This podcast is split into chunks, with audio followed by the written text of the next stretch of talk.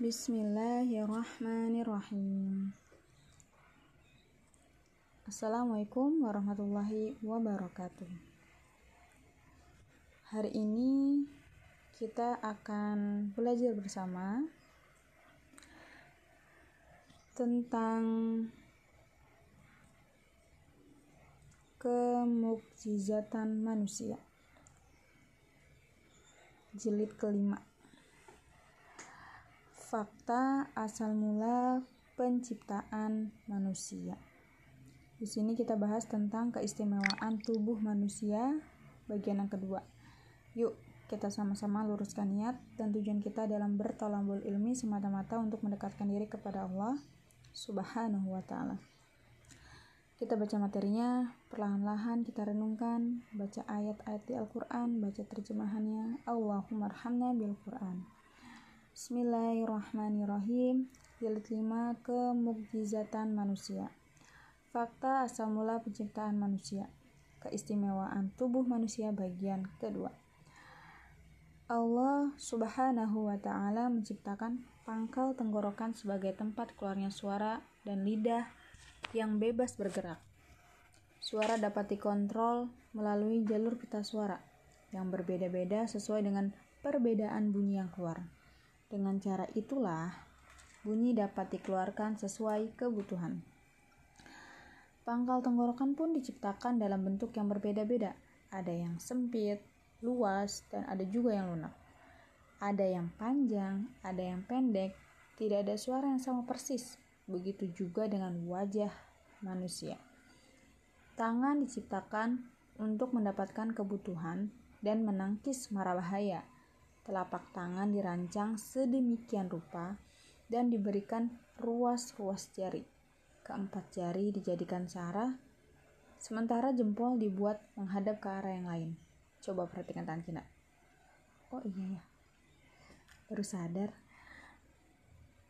Dengan kondisi jemari seperti itu, seseorang dapat menggenggam dan memberi dengan baik.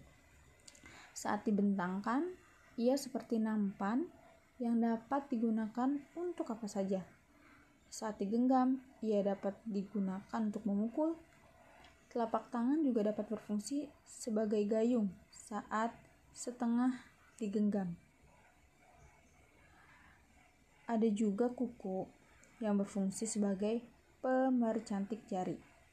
Kuku juga dapat berfungsi untuk mengambil barang kecil yang tidak dapat diambil oleh jari selain dapat dipergunakan untuk menggaruk, dapat diba dapat dibayangkan bila tidak ada kuku, sementara pada saat yang sama ada bagian tubuh yang merasa gatal. Kuku tidak diciptakan sekeras tulang dan tidak pula selunak kulit. Kuku dapat dipelihara sampai panjang dan dapat pula dipotong hingga pendek. Allah Subhanahu wa taala menciptakan kuku sebagai alat bantu untuk menggaruk baik di saat tidur maupun saat terjaga. Allah Subhanahu wa taala menciptakan kedua paha, betis, serta kedua kaki sehingga seorang dapat berjalan dengan baik. Untuk keindahan kaki, Allah Subhanahu wa taala menciptakan jemari yang juga berfungsi sebagai penguat kaki ketika berjalan. Lalu, keduanya diperindah dengan kuku. Semua itulah Allah Subhanahu wa taala di Allah Subhanahu wa taala ciptakan dari setetes sperma. Dari sperma, Allah Subhanahu wa taala menciptakan tulang sebagai penyamba, penyangga dan penumpang tubuh. Allah Subhanahu wa taala memberi ukuran tulang sesuai kebutuhan dan meletakkan sumsum -sum halus di dalamnya yang berfungsi memelihara dan menguatkan tulang. Untuk bergerak, Allah Subhanahu wa taala menciptakan persendian yang melengkapi struktur rangka. Persendian itu kemudian berfungsi menyambung dan mengikat ujung ruas tulang yang satu dengan ujung ruas tulang yang lain.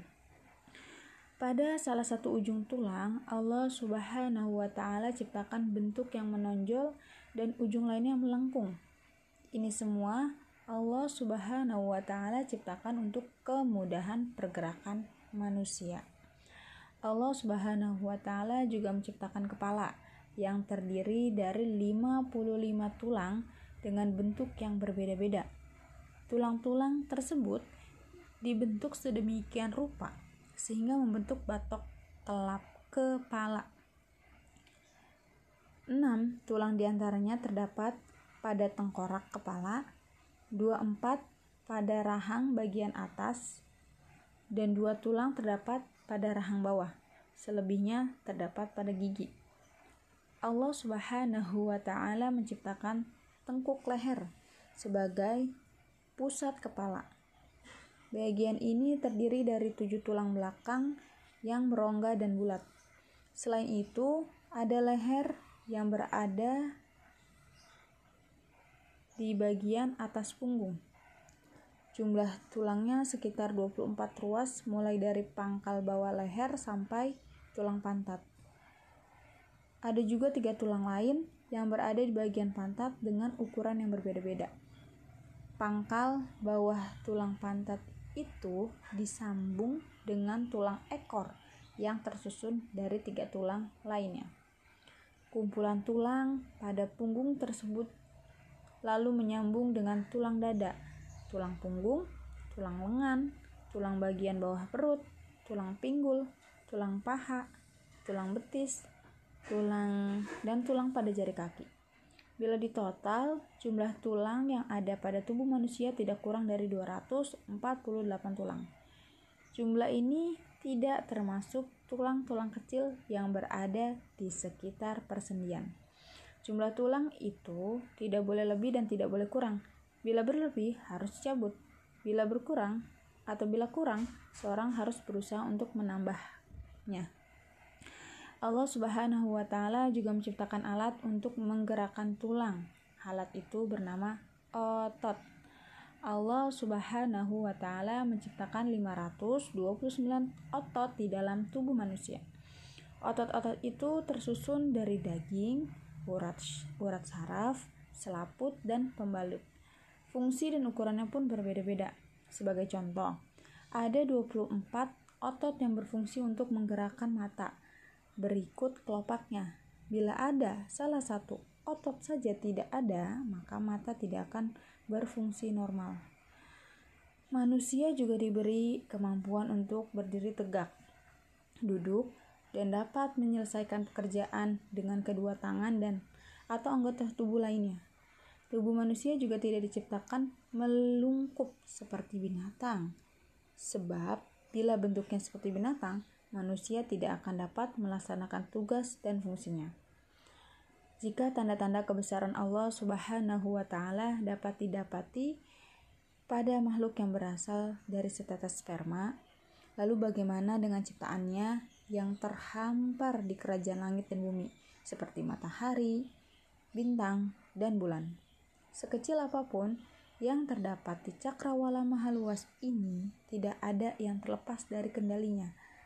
Melalui firman-Nya, Allah Subhanahu wa taala mengingatkan kita. Silakan buka surat Az-Zariyat. Az-Zariyat ini surat yang ke-79.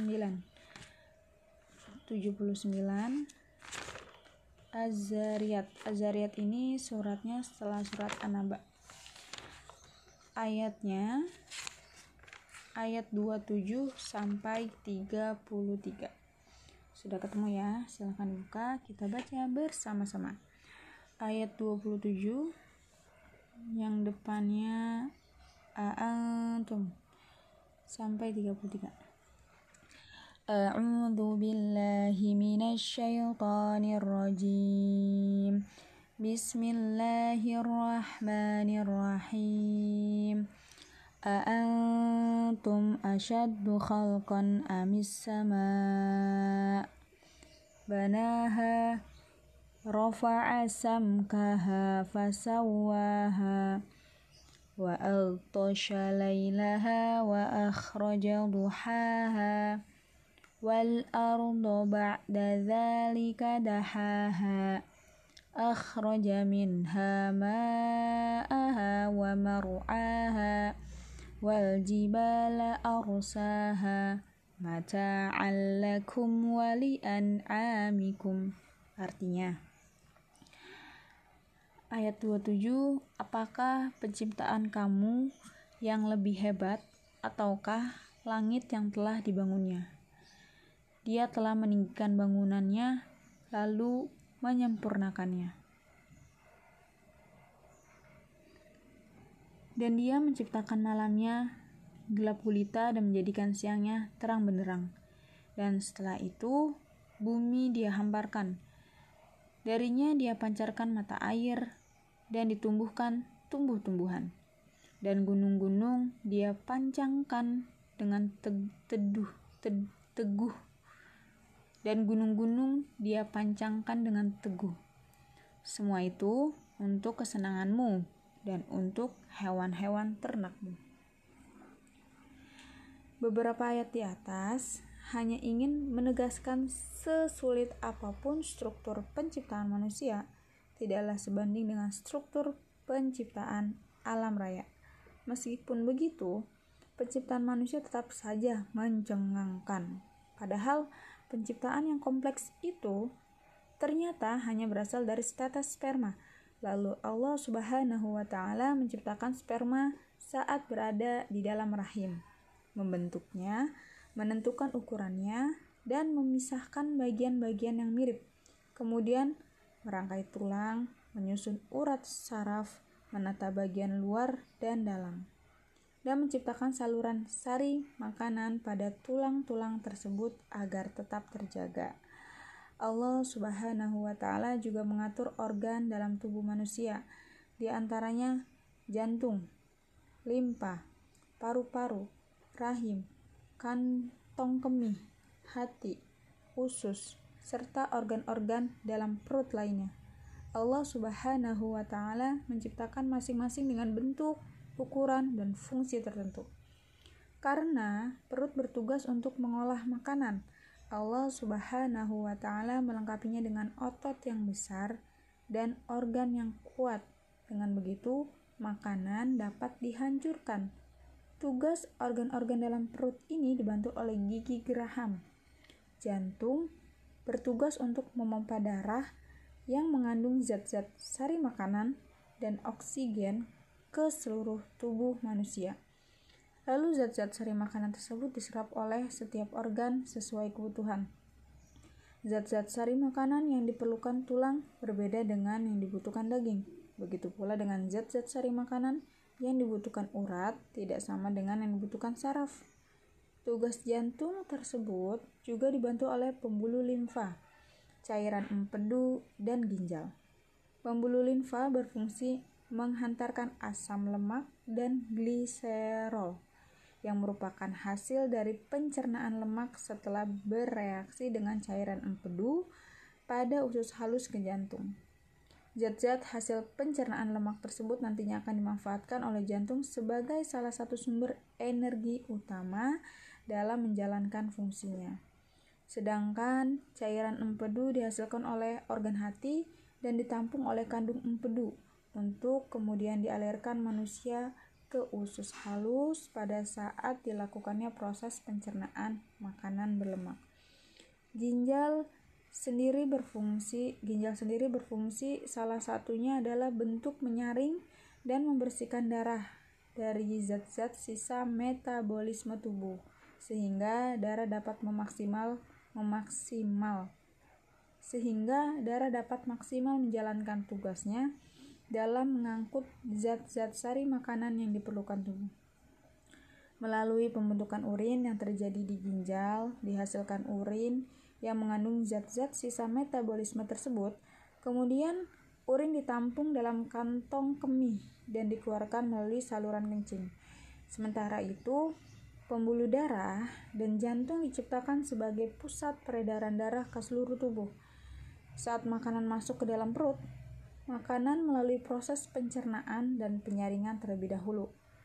Hal itu dimaksudkan agar makanan yang masih keras dan kasar tidak masuk ke dalam organ-organ dalam hati. Pada akhirnya akan diuraikan zat-zat penting yang terkandung di dalam makanan tersebut.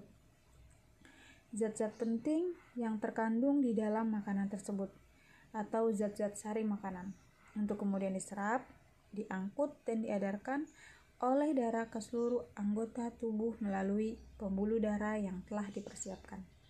Dengan begitu, zat-zat yang terkandung dalam sari makanan tersebut akan diterima oleh masing-masing tempat sesuai sifatnya masing-masing.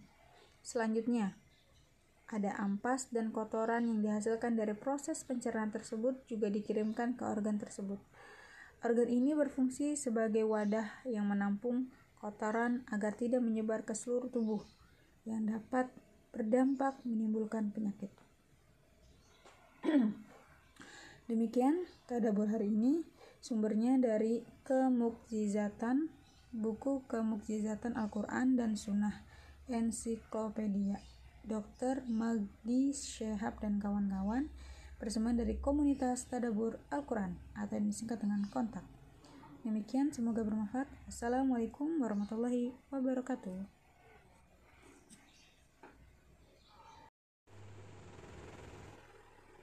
Bismillahirrahmanirrahim.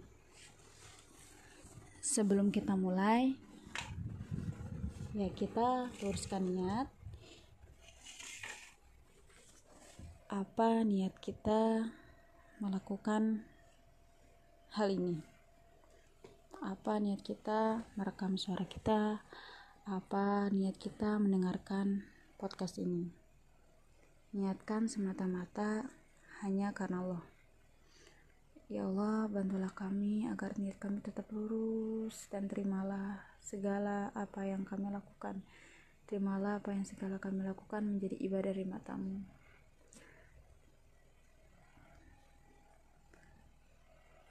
Bismillahirrahmanirrahim. Kita akan lanjut untuk membahas tadabur Al-Quran di level 2 jilid keempat. Hari ini kita masih sama membahas tentang kemukjizatan manusia, fakta proses penciptaan manusia. Kita akan membahas pendahuluan, lalu Al-Quran dan embriologi, yang bagian B-nya alam janin pada masa kenabian. Luruskan niat dan tujuan kita dalam bertalabul ilmi semata-mata untuk mendekatkan diri kepada Allah Subhanahu wa taala. Kita baca materinya perlahan sambil direnungkan. Baca ayat ayat Al-Qur'annya beserta terjemahan. Allahumma arhamna bil Qur'an. Kita masuk ke pendahuluan. Allah Subhanahu wa taala telah menakdirkan sifat-sifat turunan untuk makhluknya. Hal itu meliputi tinggi, warna kulit atau pigmen, perilaku, keilmuan, ciri-ciri fisik, dan penyakit turunan yang ia bawa sejak di dalam kandungan. Juga penyakit lainnya yang akan muncul kemudian. Takdir Allah Subhanahu wa taala terhadap janin ini telah ditetapkan seketika pada awal mula ia diciptakan. Sungguh mengagumkan bahwa Al-Quran telah menyingkap tirai, tirai kebenaran yang mencengangkan ini. Dari setetes mani, Allah menciptakannya, lalu menentukannya. Quran Surat Abasa, Surat ke-80 ayat 19. Renungkanlah, dari 200 juta sel sperma atau spermatozoa yang mendatangi sel telur atau ovum, hanya satu spermatozoa saja yang berhasil menembus sekat-sekat penghalang yang mengitari ovum. Ia masuk ke dalam sitoplasma Ovum yang berjalan cepat dengan memisahkan enzim-enzim lainnya yang dapat menghalangi spermatozoa lainnya dalam menembus ovum. Dia menjadikan kamu dalam perut ibumu kejadian demi kejadian dalam tiga kegelapan. Yang membuat demikian itulah Allah Tuhanmu. Tuhan yang punya kerajaan Tuhan yang mempunyai kerajaan tidak ada Tuhan yang berhak disembah selain dia. Lalu bagaimana kamu dapat dipalingkan? Quran Surat Az-Zumar, surat yang ke-39 ayat 6. Sungguh, semua proses penciptaan manusia terangkum dalam jelas, terangkum dengan jelas dalam kitabnya. Sekarang kita masuk ke bagian A, Al-Quran dan embriologi. Ada beberapa alasan mengapa kajian tentang embriologi menjadi penting. Di antaranya, pertama, kajian ini bermanfaat untuk menambah kualitas keimanan kita. Sebab, Keimanan akan terus bertambah seiring meningkatnya ilmu yang bertambah, yang bermanfaat dan amal soleh. Sebaliknya, keimanan akan berkurang disebabkan ketidaktahuan dan kemaksiatan. Kedua, karena kita diperintahkan oleh agama untuk mempelajari embriologi. Allah Subhanahu wa taala berfirman, da Quran surat Al-Ankabut. Quran surat Al-Ankabut itu surat yang ke-29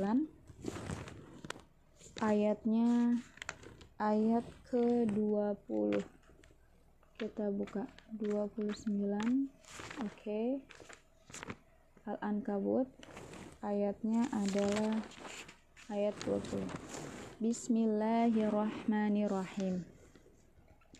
Qul siru fil ardi fanzuru kaifa bada'al khalqa thumma Allahu yunshi'un nash'atal akhirah Inna Allah ala kulli syai'in qadir Artinya, katakanlah, berjalanlah di muka bumi Lalu perhatikan bagaimana Allah menciptakan manusia dari permulaannya, kemudian Allah menjadikan sekali lagi. Sungguhnya Allah Maha Kuasa atas segala sesuatu.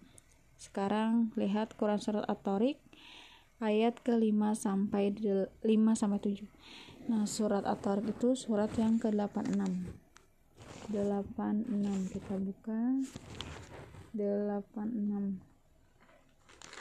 Nah, dia sudah masuk ke dalam juz 30. Nah, 86 Lalu ayatnya kelima dan ketujuh. Bismillahirrahmanirrahim. Fal yanzuril insanu mimma khuliqa. Khuliqa mimma indafiq. Yakhruju min bainil sulbi wat taraib. Yang artinya manusia seharusnya memperhatikan dari apakah dia diciptakan dia diciptakan dari air yang terpancar yang keluar dari antara tulang sulbi dan tulang dada.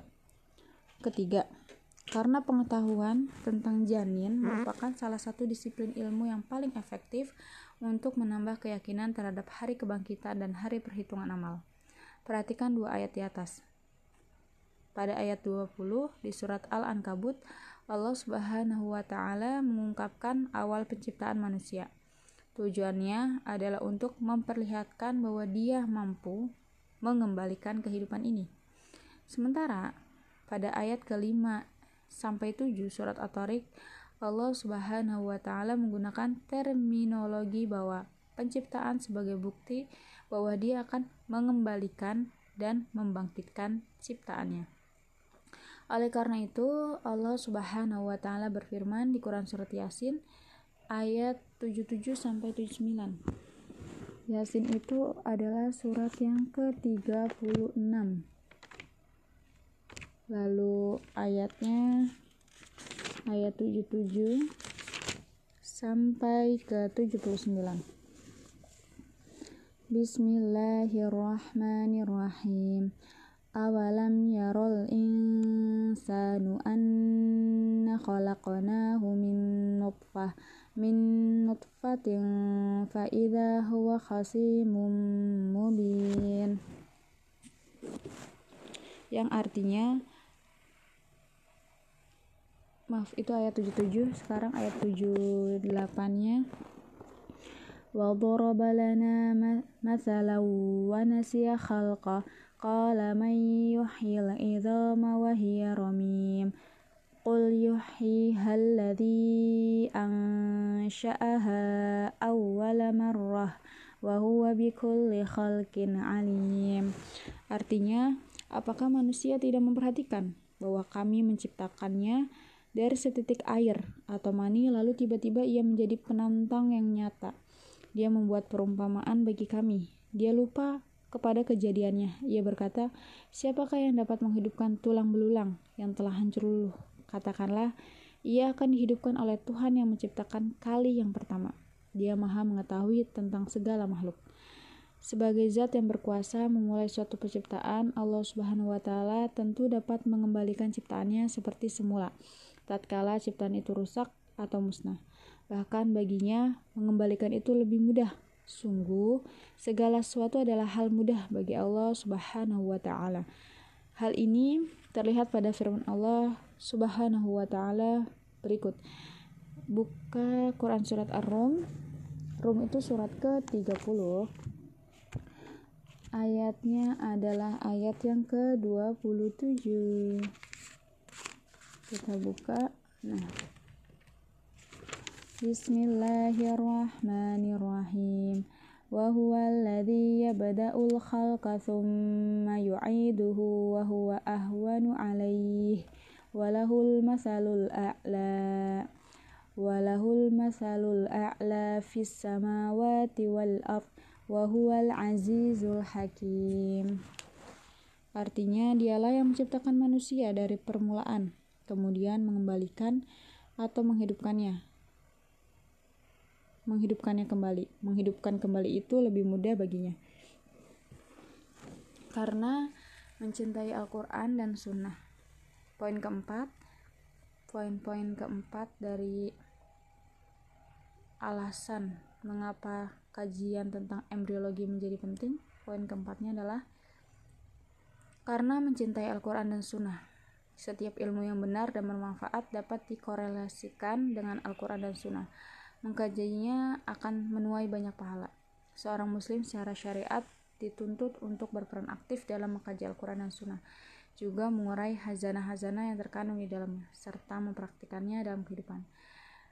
Yang poin 5, alasannya kenapa kita mempelajari embriologi menjadi penting itu karena alasannya poin kelima adalah dewasa ini memang era ilmu eksakta, ilmu agama dan ilmu bahasa. Dulu kita mungkin kewalahan ketika berdebat dengan non-muslim seputar kemukjizatan bahasa yang termaktub di dalam Al-Quran atau mukjizat-mukjizat yang kasat mata di dalam diri Rasulullah Wasallam.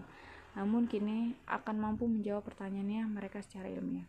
Pembahasan ini dapat menjadi pengantar untuk mengimankan sebagian mereka. Bagi kaum muslimin, Pembahasan ini akan menambah keimanan dan memantapkan akidah di hati mereka. Sekarang kita masuk ke pembahasan alam janin pada masa kenabian.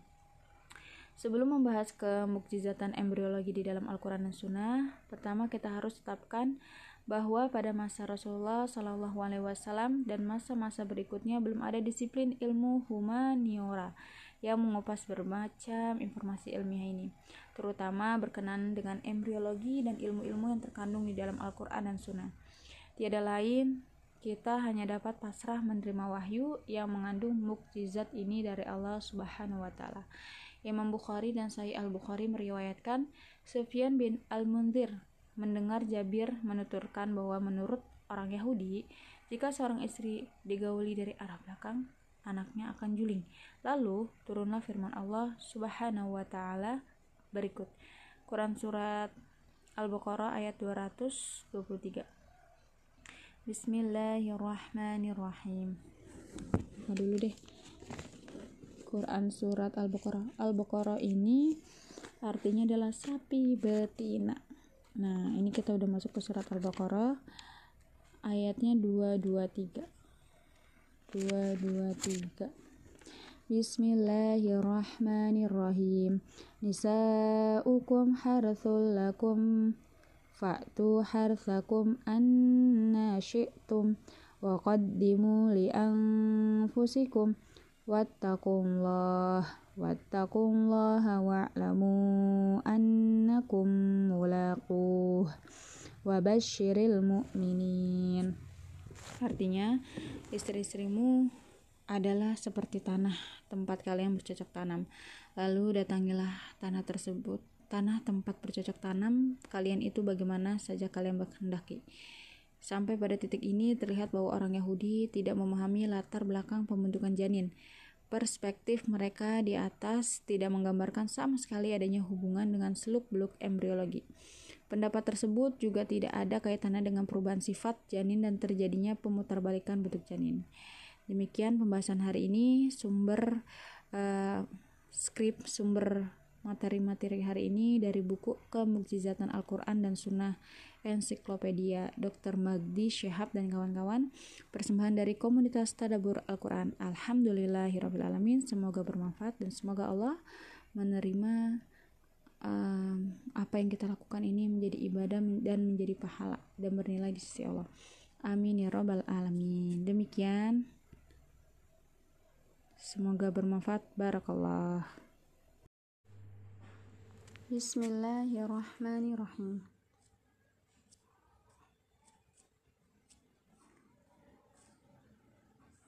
Kemukjizatan manusia. Masih bahas jilid kelima ya. Fakta proses penciptaan manusia. Pertama adalah proses penciptaan. Lalu awal penciptaan dan pembahasan selanjutnya adalah pembentukan dan ukuran kromosom. Luruskan niat dan tujuan kita dalam bertalabul ilmi semata-mata untuk mendekatkan diri kepada Allah Subhanahu wa taala. Bacalah materinya perlahan-lahan sambil direnungi bahwa ayat-ayat Al-Qur'annya baca ayat-ayat Al-Qur'annya, baca terjemahannya. Allahumma arhamna bil Qur'an. Jilid 5 Kemukjizatan manusia. Fakta proses penciptaan manusia. Bagian F. Proses penciptaan manusia. Pertama, awal penciptaan. Hanya satu spermatozoa saja yang akhirnya akan berhasil menembus sekat-sekat penghalang yang mengitari ovum. Kemudian ia masuk ke dalam sitoplasma ovum sitoplasma ovum yang berjalan cepat dengan memisahkan enzim-enzim lainnya yang dapat menghalangi spermatozoa lainnya dalam menembus ovum. Oleh karena itu, ada tiga pokok yang dapat disimpulkan di sini, yaitu pertama, terciptanya manusia pada mulanya adalah hasil dari bersatunya dua unsur, yaitu pria dan wanita secara bersamaan. Kebenaran Al-Quran ini luput dari pengetahuan para ilmuwan barat. Hingga abad ke-18 mereka masih serampangan dalam menghubungkan asal mula janin. Ada yang menghubungkan ke ibunya saja, ada juga yang menghubungkan ke bapaknya saja. Padahal Allah Subhanahu wa taala telah berfirman uh, surat Al-Insan. Silahkan dibuka. Al-Insan itu adalah ayat surat yang ke 76 lalu ayatnya ayat yang kedua. 76 74 Al-Mudasir 75 Al-Qiyamah 76 Al-Insan. Ayatnya kedua. A'udzu billahi minasyaitonir rajim Bismillahirrahmanirrahim. Inna khalaqnal insana min nutfatin amsyajin nabtalihi faja'alnahu sami'an basira Sesungguhnya kami telah menciptakan manusia dari setetes sperma yang bercampur dengan kami hendak mengujinya dengan perintah dan larangan karena itu kami menjadikan dia mendengar dan melihat.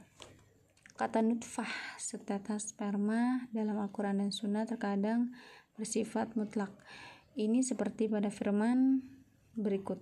Surat Abasa ayat surat yang ke-80 ayat 19. Bismillahirrahmanirrahim. Min Bismillahirrahmanirrahim min min nutfatin khalaqahu faqaddarah dari setetes mani Allah menciptakan lalu menentukannya Ayat ini menginformasikan bahwa manusia itu berasal dari sperma pria dan sperma wanita yang bercampur. Allah Subhanahu wa taala berfirman, Quran surat Al-Insan surat yang ke-76 masih sama ayat yang kedua. Wah, ini sudah kita bacakan tadi ya. Lalu Allah Subhanahu wa taala menggunakan kata am ams yez ams ams yez yang bersinonim dengan kata akhlat yang berarti sperma yang bercampur. Redaksi ayat ini memiliki arti figuratif atau majaz.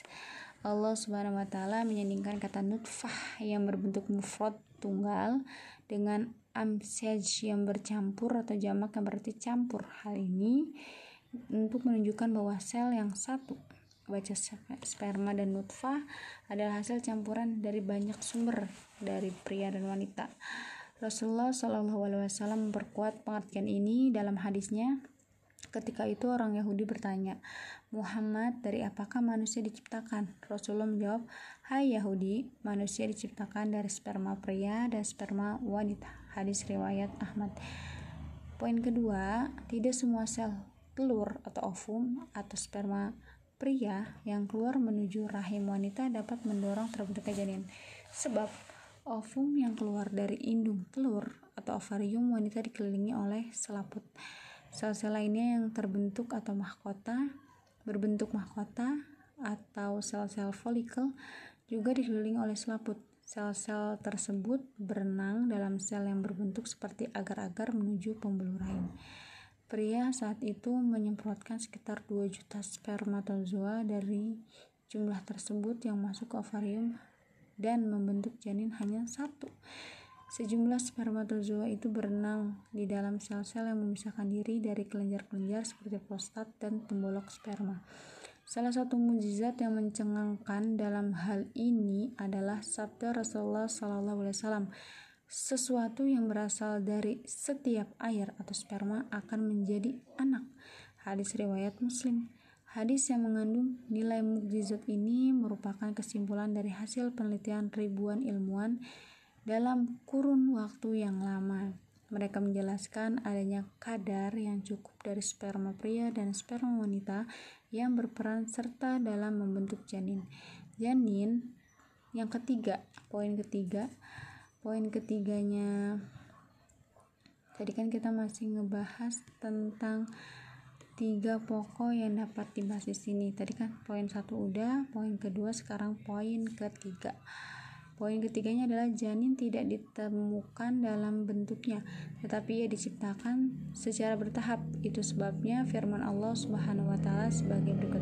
Quran surat Nuh ayat 71 eh surat 71 ayat 13 sampai 14. Bismillahirrahmanirrahim. Malakum la tarjuna lillahi waqara wa qad khalaqakum atwara. Mengapa kamu tidak percaya akan kebesaran Allah, padahal Dia sesungguhnya telah menciptakan kamu dalam beberapa tingkat kejadian. Quran Surat Az-Zumar uh, surat yang ke-39 ini kita buka ya surat 39 Az-Zumar ayatnya ayat yang ke-6 ayat yang ke-6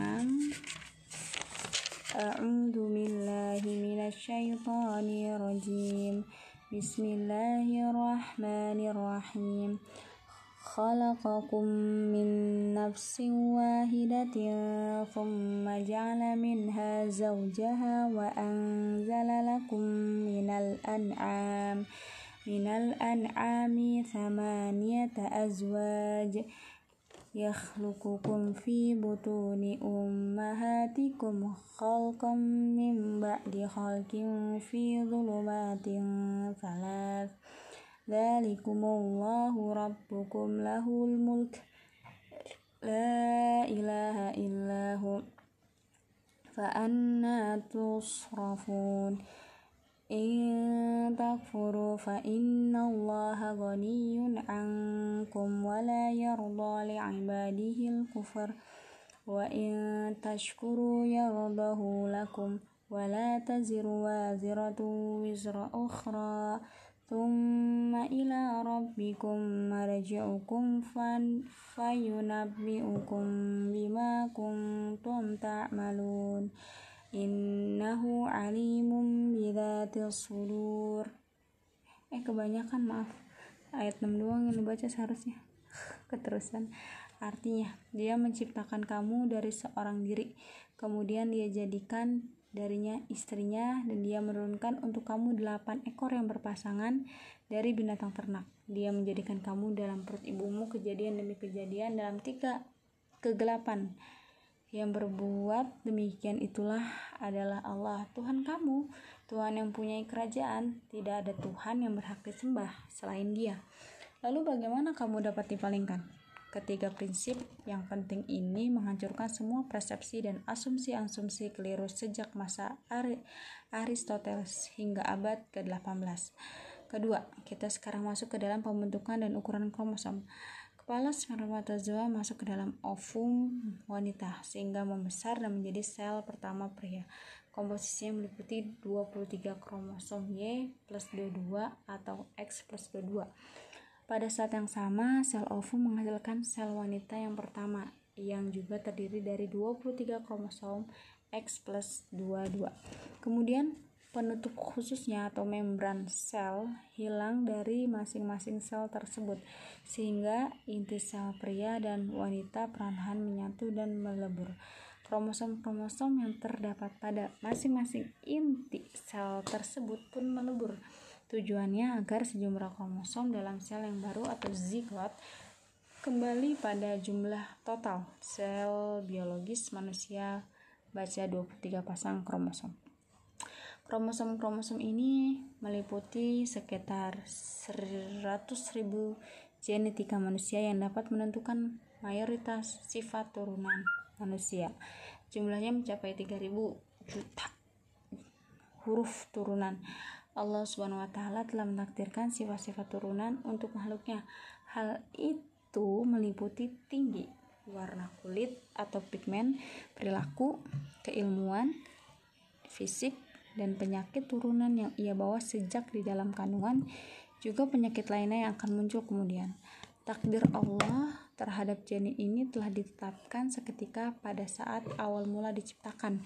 Sungguh mengagumkan bahwa Al-Quran telah menyingkap tirai kebenaran yang mencengangkan ini dalam firman Allah Subhanahu wa taala dalam surat uh, Al-Basa surat yang ke-80 ayat 19 min nutfatin khalaqahu faqaddarah dari setetes mani. Allah menciptakannya lalu menentukannya. Dalam ayat tersebut Allah Subhanahu wa taala menyertakan awal penciptaan. Bacalah bersatunya spermatozoa dan ovum dengan takdir kumpulan dan urutan genetika yang membawa sifat-sifat turunan pada pada seorang janin. Demikianlah materi hari ini. Sumbernya adalah dari ensiklopedia. Sumbernya dari ensik sebentar saya lihat dulu. Untuk sumber itu dari buku ensiklopedia. Kemukjizatan Al-Quran dan Sunnah Dr. Magdi Syihab dan kawan-kawan Persembahan dari komunitas Tadabur Al-Quran Kontak. Demikian, semoga bermanfaat. Bye-bye.